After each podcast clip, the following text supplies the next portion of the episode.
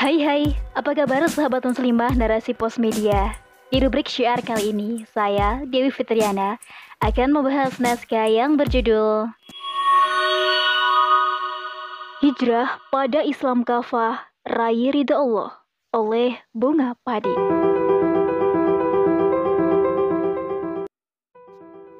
Rasulullah Shallallahu Alaihi Wasallam mengajak umatnya hijrah kepada penghidupan yang lebih baik, bahagia, sejahtera dunia dan akhirat.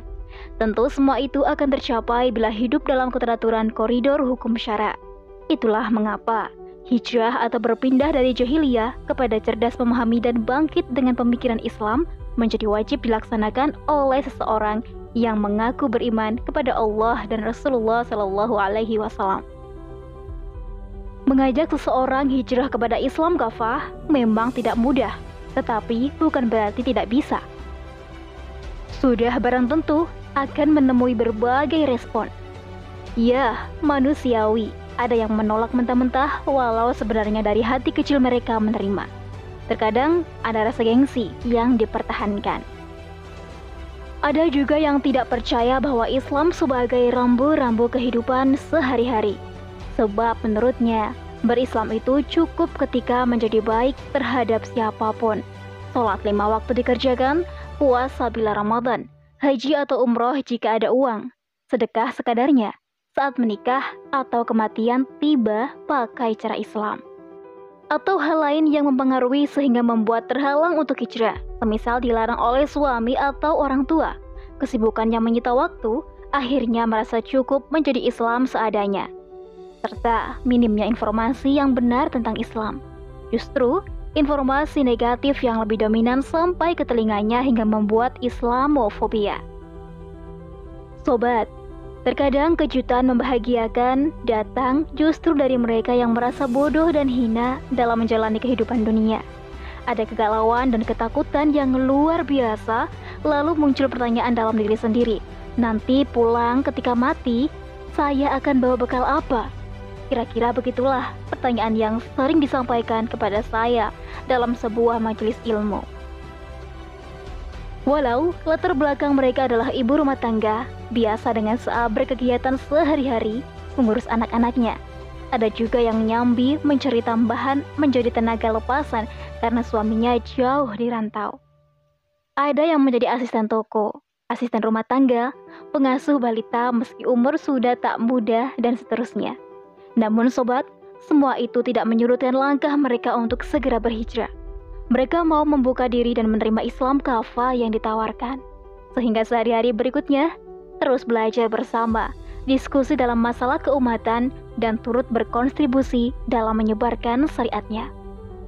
Mereka pun menuturkan sangat bahagia dan terharu telah dipertemukan dengan sebuah majelis ilmu yang membuat pemikiran bangkit dengan bersahabat dengan orang-orang yang saleh banyak manfaat yang dirasakan setelah belajar Islam kafah. Jadi, banyak tahu tentang ilmu dan sakofah Islam. Jika dulu sholat tapi riba, sekarang tidak lagi. Berkerudung dan berjilbab syar'i, membaca Al-Quran, serta mengupas isinya, tidak mudah baper, hidup dengan lebih menjadi semangat, politis, dan seterusnya. Begitulah sobat sharing para ibu dalam sebuah majelis ilmu sebelum pelajaran dimulai. Dari mereka lah saya belajar. Dalam hati diam-diam saya mengagumi mereka. Sungguh pribadi yang rendah hati, teguh pendirian, dan sabar menjalani kehidupan. Namun tetap semangat hijrah, di mana orang lain sibuk memikirkan diri sendiri, tapi mereka masih mau belajar tentang Islam kafah dan turut memikirkan nasib umat. Di akhir pertemuan, biasanya kami pun saling berpesan untuk saling menasihati, terus berbuat mengamalkan ilmu yang telah diberikan dan tidak pula mendoakan kepada mereka yang belum hijrah. Semoga Allah senantiasa melimpahkan hidayah, taufik, dan inayahnya. Sungguh, rangkaian nasihat Allah Subhanahu wa Ta'ala yang indah dalam firman Surat Al-Baqarah ayat 208 bagi orang-orang yang beriman agar memasuki Islam secara menyeluruh tanpa ada satu ayat pun yang diingkari. Jangan sampai mengikuti jalan setan, karena sebenarnya setan itu musuh yang nyata bagi hamba yang bertakwa.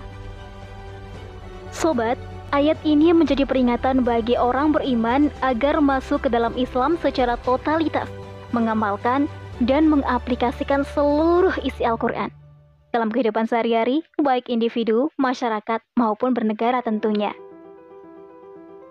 Cukup jelas, Allah mengingatkan dalam surat An-Nisa ayat 100 yang bermakna bahwa bagi orang yang hijrah akan dijamin rezekinya secara luas dan banyak di dunia. Masya Allah, tabarakallah. Begitu besar kasih sayang Allah kepada hambanya.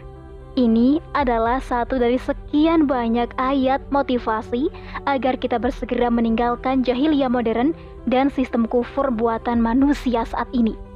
Hijrah menuju Islam kafah. Karena hanya itu satu-satunya cara untuk bangkit dari pemikiran rendah dan keterpurukan yang terjadi dalam semua aspek kehidupan.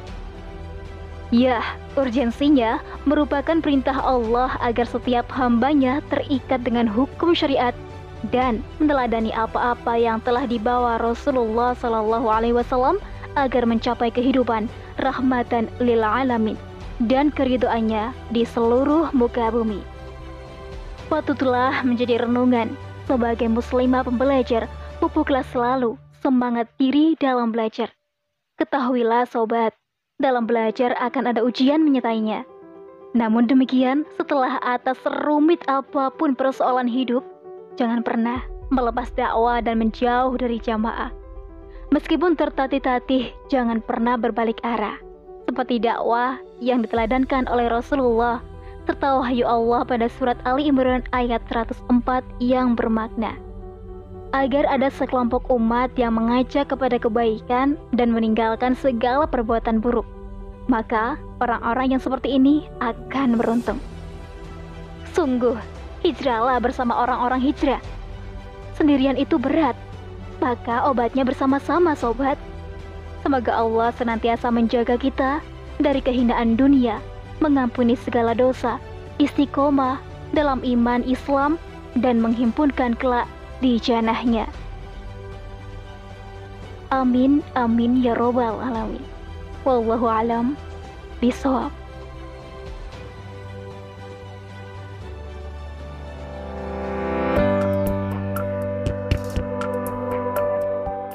Sekian rubrik syiar kali ini, semoga menginspirasi dan menambah takofa Islam kita semuanya. Saya Dewi Fitriana, wassalamualaikum warahmatullahi wabarakatuh.